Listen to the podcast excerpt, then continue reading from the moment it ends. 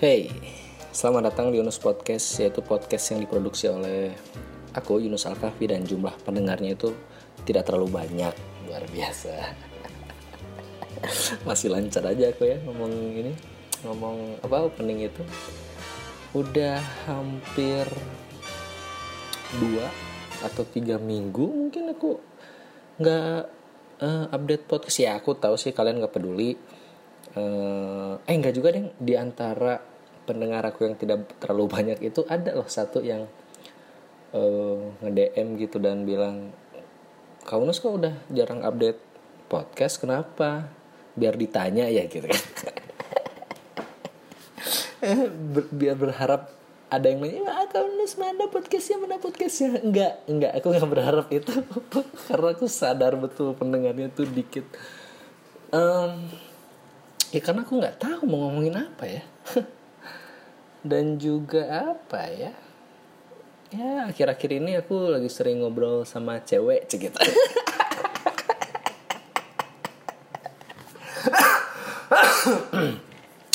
terus sekarang lagi marahan terus ya enggak deng. Uh, apa ya? Nggak tahu. Eh tapi uh, jujur DM itu nge-trigger aku untuk akhirnya oh iya ya kayaknya aku harus bikin podcast lagi karena lagi-lagi uh, ya apa ya balik lagi ke tujuan awal aku bikin podcast ini tuh untuk men, apa melatih aku terapi aku untuk melatih konsistensi. Oh anjing basi banget ya alasannya. Tapi ya gimana? Emang harus dilatih gitu konsistensi itu susah loh. Dan perlu aku akui aku sudah gagal gitu ya karena udah tiga mingguan gak update podcast uh, ya susah. Konsisten apa sih istilahnya tuh? Istiqomah itu susah. Jadi ya hargainlah teman-teman kamu yang mungkin sedang mencoba banting setir dan mencoba untuk tetap konsisten. Karena yes susah banget konsisten itu. Juga ya itu untuk melatih aku agar terbiasa menuangkan atau menerjemahkan apa-apa yang ada di kepala aku. Karena itu buat aku sih itu ke kekurangan aku. Dan di podcast ini aku mencoba untuk ngelatih itu. Karena ya sering sering kan? Eh nggak tahu ya kalian tapi kalau aku sering gitu. Di kepalaku apa di kepa, dalam kepala aku itu udah ada tapi kok susah diomonginnya gitu. Jadi mengasah apa ya dialektik. Enggak bukan dialektika Iya mungkin dialektika bisa literasi lah ya lebih tepatnya. Mengasah literasi aku biar bisa ngomong aja apa yang ada di kepala. Cigit. um, itu makanya aku kurang serak sama eh, jadi keingetan. Kurang serak sama quotes quotes yang bilang bahwa tingkatan tertinggi kesabaran gitu loh. Sebaik-baiknya sabar adalah ketika kamu memilih diam bla bla bla bla yang gitu loh. Ya pasti kalian sering lihat lah ya quotes gitu. Nah aku kurang serak tuh. Bullshit lah gitu maksudnya ya bisa jadi lu diam itu karena karena lu nggak bisa ngomong ini aja gitu. Jadi either lu ngomong tapi kelihatan goblok jadi mending diam aja gitu. Bukan ter bukan karena sabar-sabar banget gitu. Karena lu nggak punya pilihan lain aja gitu. Gak punya banyak pilihan. Dia mending diem nggak ada yang bener apa diam itu uh, tingkat kesabaran tertinggi biasakan untuk diam. Apalagi uh, kalau udah emosi gitu ya. Atau ketika kondisi kita mental kita lagi emosi ya mending diem sih ya. Mending diem daripada ngomong tapi ke mana-mana. Bisa jadi bumerang cekit bumerang Instagram. Huh, kok bumerang Instagram? Uh, ini jadi ke mana-mana tuh ngomongnya. Uh, apa ya? Ngomongin apa? Aku bingung sumpah. Fuck Oke dari kabar dulu oke? Udah lama aku nggak nanya kabar kalian. Apa kabar semuanya? Para pendengar aku yang kurang banyak ini. Um, ya mudah-mudahan sehat. Um, apa ini aku lagi nyoba mudah-mudahan dari nanya kabar ini dapat nih obrolan apa ya tema. Ya mudah-mudahan masih sehat terus. Fisik terutama mental ya. Karena kita masih di tengah-tengah pandemi um, sudah Maret, April, Mei, Juni, Juli, Agustus, September, Oktober. Tuh, hampir 9 bulan sedang jalan 9 bulan kita itu sedang apa mencoba bersahabat gitu dengan pandem dengan virus COVID-19 um, ya kalau ibu hamil nih udah hampir melahirkan nih um, terbiasa dengan gimana udah terbiasa belum dengan new normal ini hmm? Dengan masker atau mungkin kalian ya udah nggak peduli aja gitu sama covid. Peduli masih peduli nggak sih kayaknya udah nggak peduli ya ngelihat aktivitas. Ah uh, ya itulah apa kesehatan fisik mental juga ya. Terutama mental sih kalau menurut aku. Um, karena faktanya sih gitu faktanya. Aku uh, sempat baca gitu di Belanda ada tren baru ini menarik ya ada tren baru anjing akhirnya kita dapat obrolan ya gak sih makasih makasih apa tadi oh ya di Belanda ada tren baru uh, di mana orang-orang itu memeluk sapi uh, dengan tujuan untuk menghilangkan stres selama pandemi ini. Um, menarik ya karena sapi loh gitu. Enggak maksudnya. Kenapa enggak ngewit aja gitu kan Belanda nih nyimeng aja. uh, enggak ini ini membuktikan bahwa ya pelukan itu memang bisa uh, mengurangi stres dan ya ini ini bukti beberapa episode ke belakang aku kayaknya pernah ngebahas bukti bahwa ya manusia itu kesepian gitu nggak maksudnya gimana ya? Kan selama pandemi nggak ketemu orang terus ya kita nger mungkin ngerasa kesepian akhirnya perlu uh, merawat psikis kita, mental kita, ya salah satunya dengan pelukan. Itu kenapa di beberapa episode yang lalu gitu ya di Indonesia itu aku pernah bahas entah udah ada, udah resmi ada atau ditolak atau masih wacana ada jasa penerima apa jasa kadel gitu loh kadeling dia ketemu hanya untuk pelukan aja. Saking kesepiannya kita gitu. Lonely. Feel lonely. Sekesepian itu loh terkesepian 2020 gitu kan. Uh, ya itulah psikis orang-orang modern sekarang gitu. Media sosial di mana-mana banyak temen. Friendlist banyak tapi kok masih kesepian gitu um, ya itulah pokoknya mental tetap dijaga kita ngomongin apa sih? Oh ya di Belanda sampai ada yang meluk sapi gitu. Sampai ada tren meluk sapi. Kenapa sapi? Karena karena corona. Kalau manusia kan takutnya uh, terjadi penyebaran COVID atau bahasanya sekarang tuh apa? Ada klaster baru aja klaster baru. Um, ya sama itu di Belanda di Indonesia juga kita kayaknya harus tetap jaga mental karena ini nggak tahu ya aku kalian pada stres gak sih? Beberapa orang stres beberapa orang denial untuk bilang dia stres beberapa orang emang nggak peduli aja.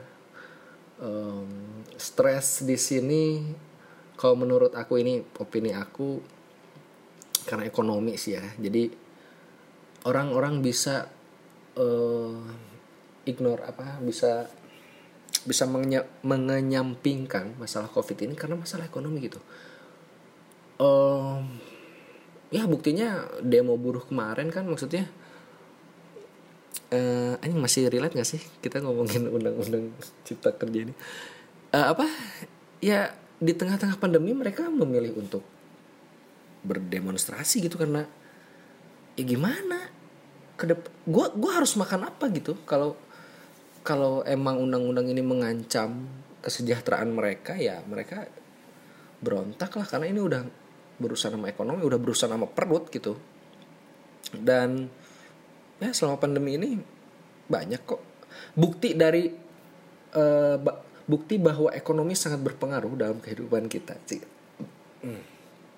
terutama saat pandemi yang pertama itu tadi buruh. Mereka kayak yang meng, ah, meng ya deny atau ignore lah sama isu-isu corona ini karena kebutuhan perut gitu ya mereka ke jalan e, lalu ya pemerintah yang aku nggak tahu ya aku yang baca-baca aja di berita gitu. Pemerintah yang terus uh, meng apa invite tuh mengundang investor-investor atau berusaha agar investor asing masuk ke Indonesia itu kan untuk ekonomi gitu. Walaupun faktanya kita resesi. Dan apa? Pernikahan nih. Selama pandemi ini kan uh, nikah jadi susah nggak bisa bla bla bla. Aja enggak. Ternyata banyak tuh yang menikah dan menurut aku mereka berlomba-lomba menikah sekarang untuk apa? Untuk mengurangi biaya catering ya gak sih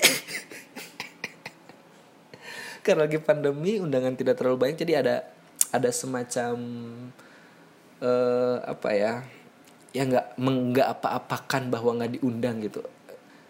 Ya gak sih? Karena ih kok aku nggak diundang? Kok nggak diundang? Sombong nih sombong bla bla bla. Nah sekarang itu ada untuk menjawab itu ih kok aku nggak diundang? Atau uh, udah diundang tapi nggak datang ih kenapa sih nggak datang bla bla bla bla. Ya karena pandemi. Aku lagi pandemi nggak boleh keluar bla bla bla Nah itu mempengaruhi ke biaya catering dan ya ekonomi itu kan biaya gitu.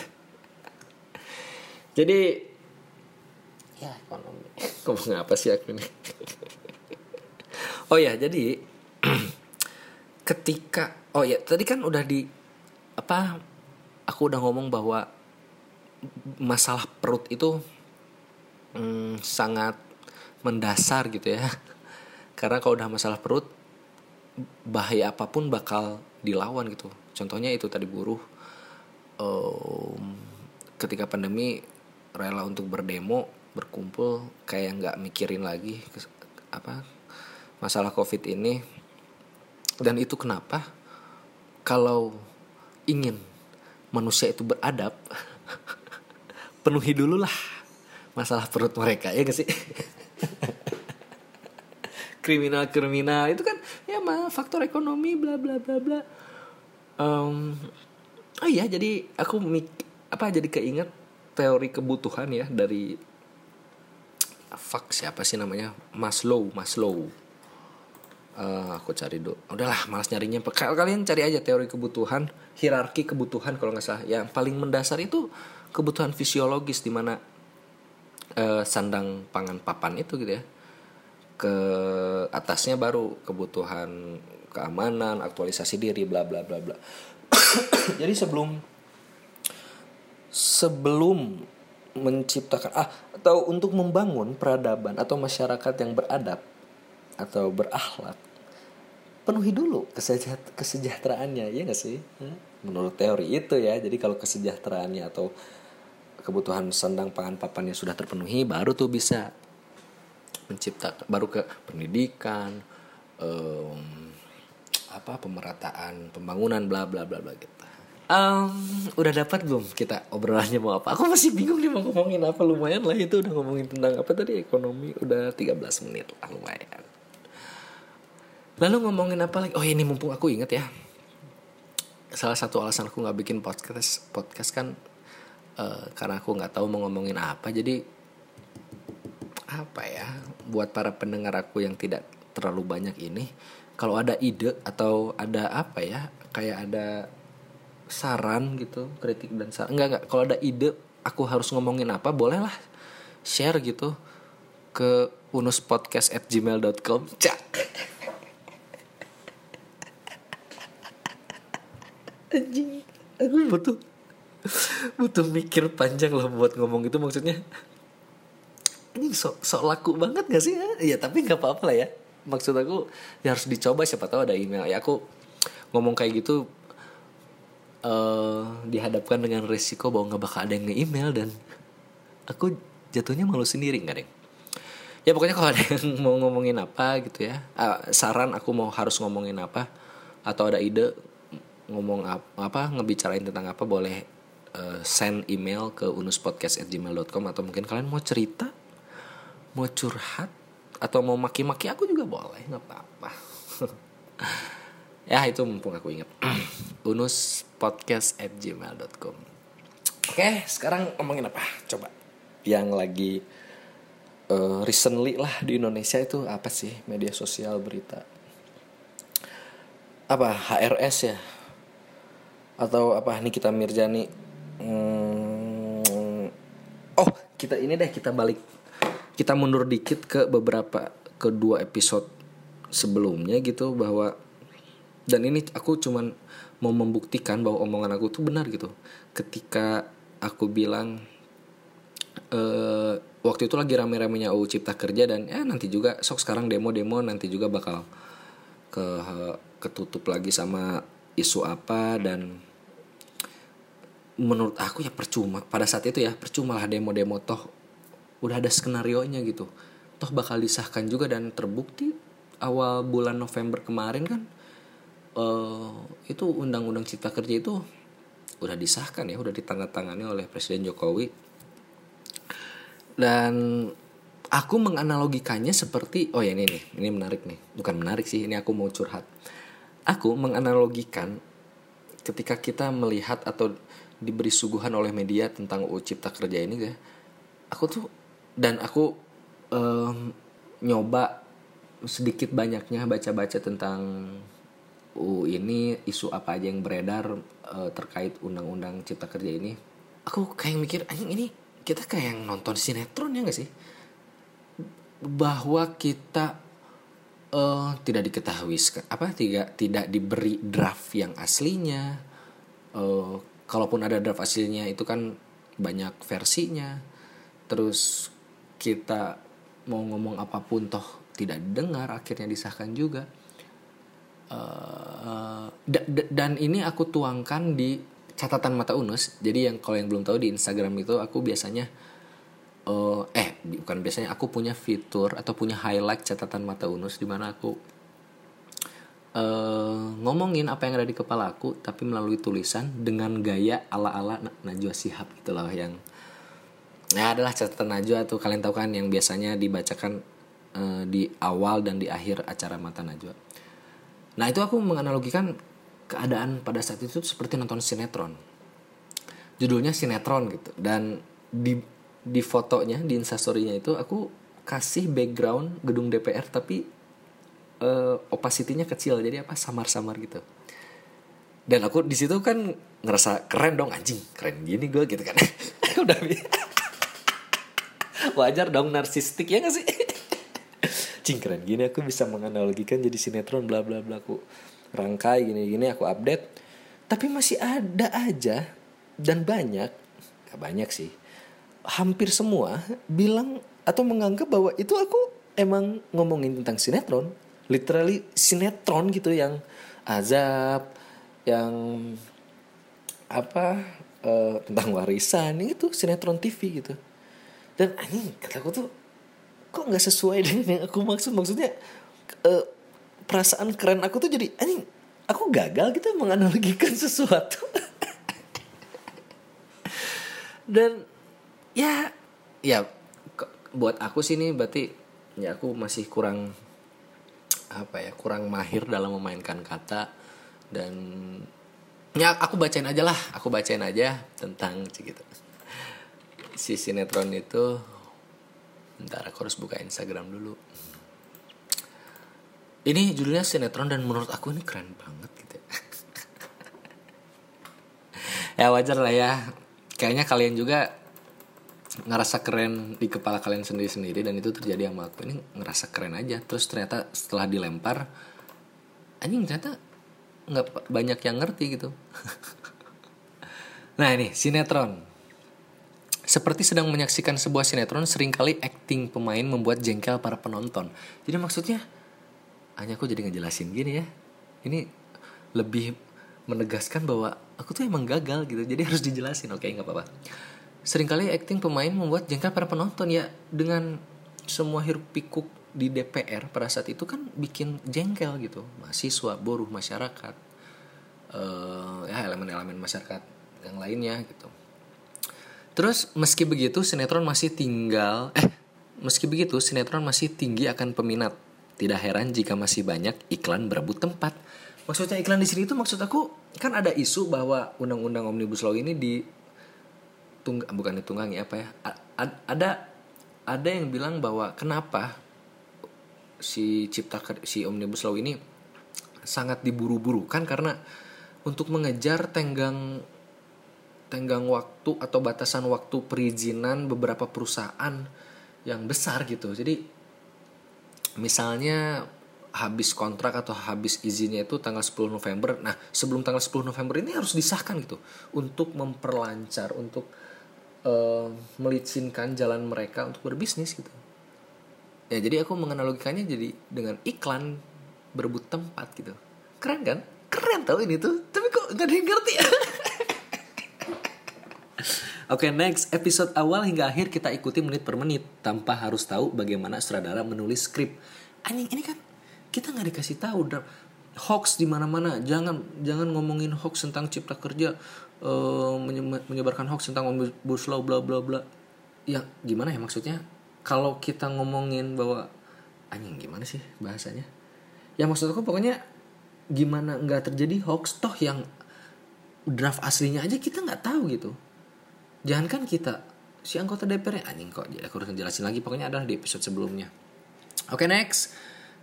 Kasihan ibu-ibu yang gemas ingin mengubah jalan cerita.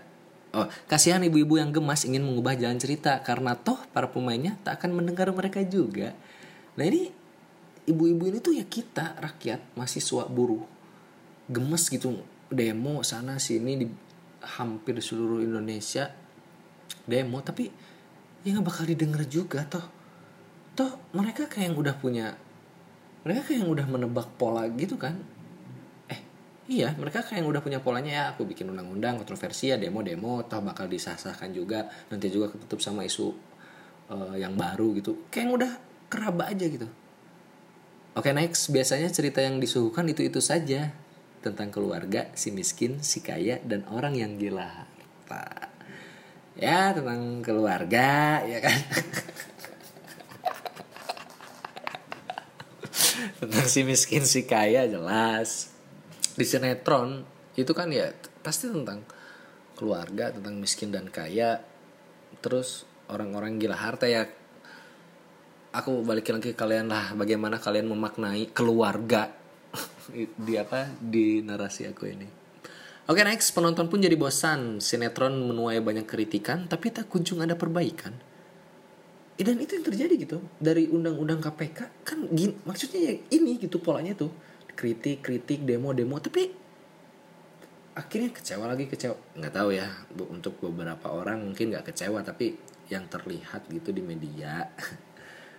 ya dengan adanya demo berjilid-jilid ini ya berarti kan tidak ada perbaikan gitu yang terakhir nih cerita dan acting yang sering kali menggelitik bikin kita pengen pindah saja ke Netflix. Ya ini uh, bumbu-bumbu aja lah. Tapi iya gak sih? Ya pokoknya gitu lah. Keren kan? Keren. Ini gitu tuh keren banget. Tapi kok gak ada yang ngerti? Ah udahlah skip itu. Malah jadi narsis narsis ria aja aku. Um, ya udah gitu. Uh, cipta kerja udah ditanangani dan udah ketutup aja sama isu-isu yang yang baru-baru ini gitu. Dan ngomong-ngomong soal sinetron um, kalian ini aku kalian tahu nggak sih ada account uh, aku nemunya di mana ya? Instagram kalau nggak salah. GT Losiar huh? itu tuh anak-anak yang memparodikan sinetron dengan segala kelebayannya dan itu ya kalian cek lah menurut aku itu lucu sih. Itu lucu ada yang memparodikan ya cerita sinetron yang selingkuh pelakor bahkan sinetron azab. Uh, apa sih bukan azab apa ya pokoknya salah satu jokes eh, apa bercandanya itu parodinya itu ada satu jadi ini tuh parodi sinetron tapi yang memerankannya tuh anak-anak gitu. Ya kalian cek aja ya GT Losiar. Dan ada satu video yang salah satu pemerannya itu jadi dajal dan itu lucu banget anjing. Dajal dajal itu kayak nempel di tembok gitu dan anjing lucu banget. Um, ya itu itu lucu tapi di lain sisi aku kayak yang anjing sinetron ini dikonsumsi anak-anak juga ya. Maksudnya mereka bisa bisa apa ya bisa tahu bagaimana uh, acting lebay ekspresi marahnya gimana terus muka-muka judes yang muka-muka sinis yang emang suka dilihatin di sinetron mereka bisa tahu ya ya karena mereka nonton dong maksudnya. Sinetron ini tuh ya nggak bisa kita pungkiri itu masih eksis gitu di Indonesia. Entah entah bagaimana penilaian kalian tentang sinetron maksud aku penilaian kuali uh, gimana ya? Misalnya kalian mikir bahwa kuali ya, kualitas acara tontonan TV di Indonesia itu norak atau masih rendah lah. Buktinya sinetron itu kasta bawah gitu lah. Ya apa pun penilaian kalian tentang sinetron tapi buktinya anjing ini tuh makanan kita sehari-hari. Maksudnya kita itu mas masyarakat Indonesia sehari-hari itu ya nonton nonton sinetron gitu. Dari segala lapisan lap, umur kita mikirnya milenial sekarang hiburannya media sosial bla bla bla. Anjing ini Get Losier berarti anak oke okay, apa penggunaan media sosialnya ada tapi masih tetap nonton sinetron gitu. Demandnya masih ada. Sinetron itu masih apa ya masih jadi psikografis Indonesia gitu. Psikografis masyarakat Indonesia. Dan itu dia tadi ya apa pun opini kalian tentang sinetron atau apa pun penilaian kalian tentang sinetron ya faktanya kita kita masih nonton sinetron gitu. Kalau kalian menganggap bahwa kalian nonton Netflix itu keren atau mungkin aja gua nonton Netflix ngikutin tren biar gak ketinggalan zaman bla bla bla. Anjing sinetron men. Sinetron yang mainstream itu tuh. Kalian kalian nggak usah ngerasa keren lah maksudnya eh, negara kita kan demokrasi ya dan sangat mengagungkan angka gitu. Jadi ini tuh pak banyak banyak bukan pak keren keren lomba lomba paling siapa yang paling baik bukan siapa yang paling bagus. Ya oke okay lah Netflix bagus tapi kalah jumlahnya kalah. Dengan para penonton sinetron ini. Atau gini deh itu itu tontonan ya musik aja. Uh, terserah kalian punya penilaian apa tentang musik di Indonesia. Gimana ya ngomongnya? Misalnya kalian di kepala kalian punya hierarki kualitas musik gitu. Misalnya dari paling bawah dangdut misalnya dan paling atas jazz misalnya ya. Apa pun penilaian kalian tapi selama kampanye politik menggunakan dangdut itu berarti masyarakat Indonesia masih dengerin dangdut mayoritas. Iya dong. Ya gak sih? Karena kampanye itu kan usaha untuk menarik suara ya. Itu dia tadi eh, demokrasi pak banyak banyak bukan pak bagus bagus gitu. Quantity over quality gitu. Um, ya selama mereka masih menggunakan dangdut ya berarti selama itu juga masyarakat Indonesia masih suka sama dangdut karena logikanya mereka kan kampanye nih, tim kampanye, mereka harus mencari suara dong. Dan untuk mencari suara untuk memilih mereka atau untuk membangun awareness atau apa pun. Dan ya mereka harus menggunakan cara yang emang dekat dengan para calon-calon pemilih ini. E, mereka punya data psikografisnya lah istilahnya. Masyarakat lagi suka apa, masyarakat relate dengan hiburan apa mungkin ya. Nah, sampai akhirnya mereka memutuskan untuk dangdut. Itu artinya ya masyarakat kita masih masih dengerin dangdut gitu. Ya lagi-lagi terlepas dari bagaimana pandangan kalian terhadap dangdut itu ya atau mungkin kalian punya hierarki kualitas musik tersendiri. Jadi ya buat yang ngerasa keren gitu buat yang ngerasa mengikuti zaman dengan ngedengerin lagu indie gitu ya. Ini dangdut ini yang paling orang Indonesia mah dangdut gitu ngerti aduh. Udah eh, udah berapa menit sih? Eh udah setengah jam luar biasa. Terima kasih sudah mendengarkan. Udah. Uh, jadi cukup aja episode kali ini. Uh, buat temen aku yang nagih atau kemarin nanyain mana nih podcastnya? Nah ini aku bikin. Siapa tahu ka uh, kamu dengar hai. Uh, dan ya mudah-mudahan ada manfaatnya mudah-mudahan terhibur. Uh, sampai jumpa di episode selanjutnya. Uh, tetap jaga kesehatan tetap lakukan protokol kesehatan. Ini kok jadi apa di podcast moral gini? Udah uh, sampai jumpa episode selanjutnya. Mohon maaf jika ada salah-salah kata. Bye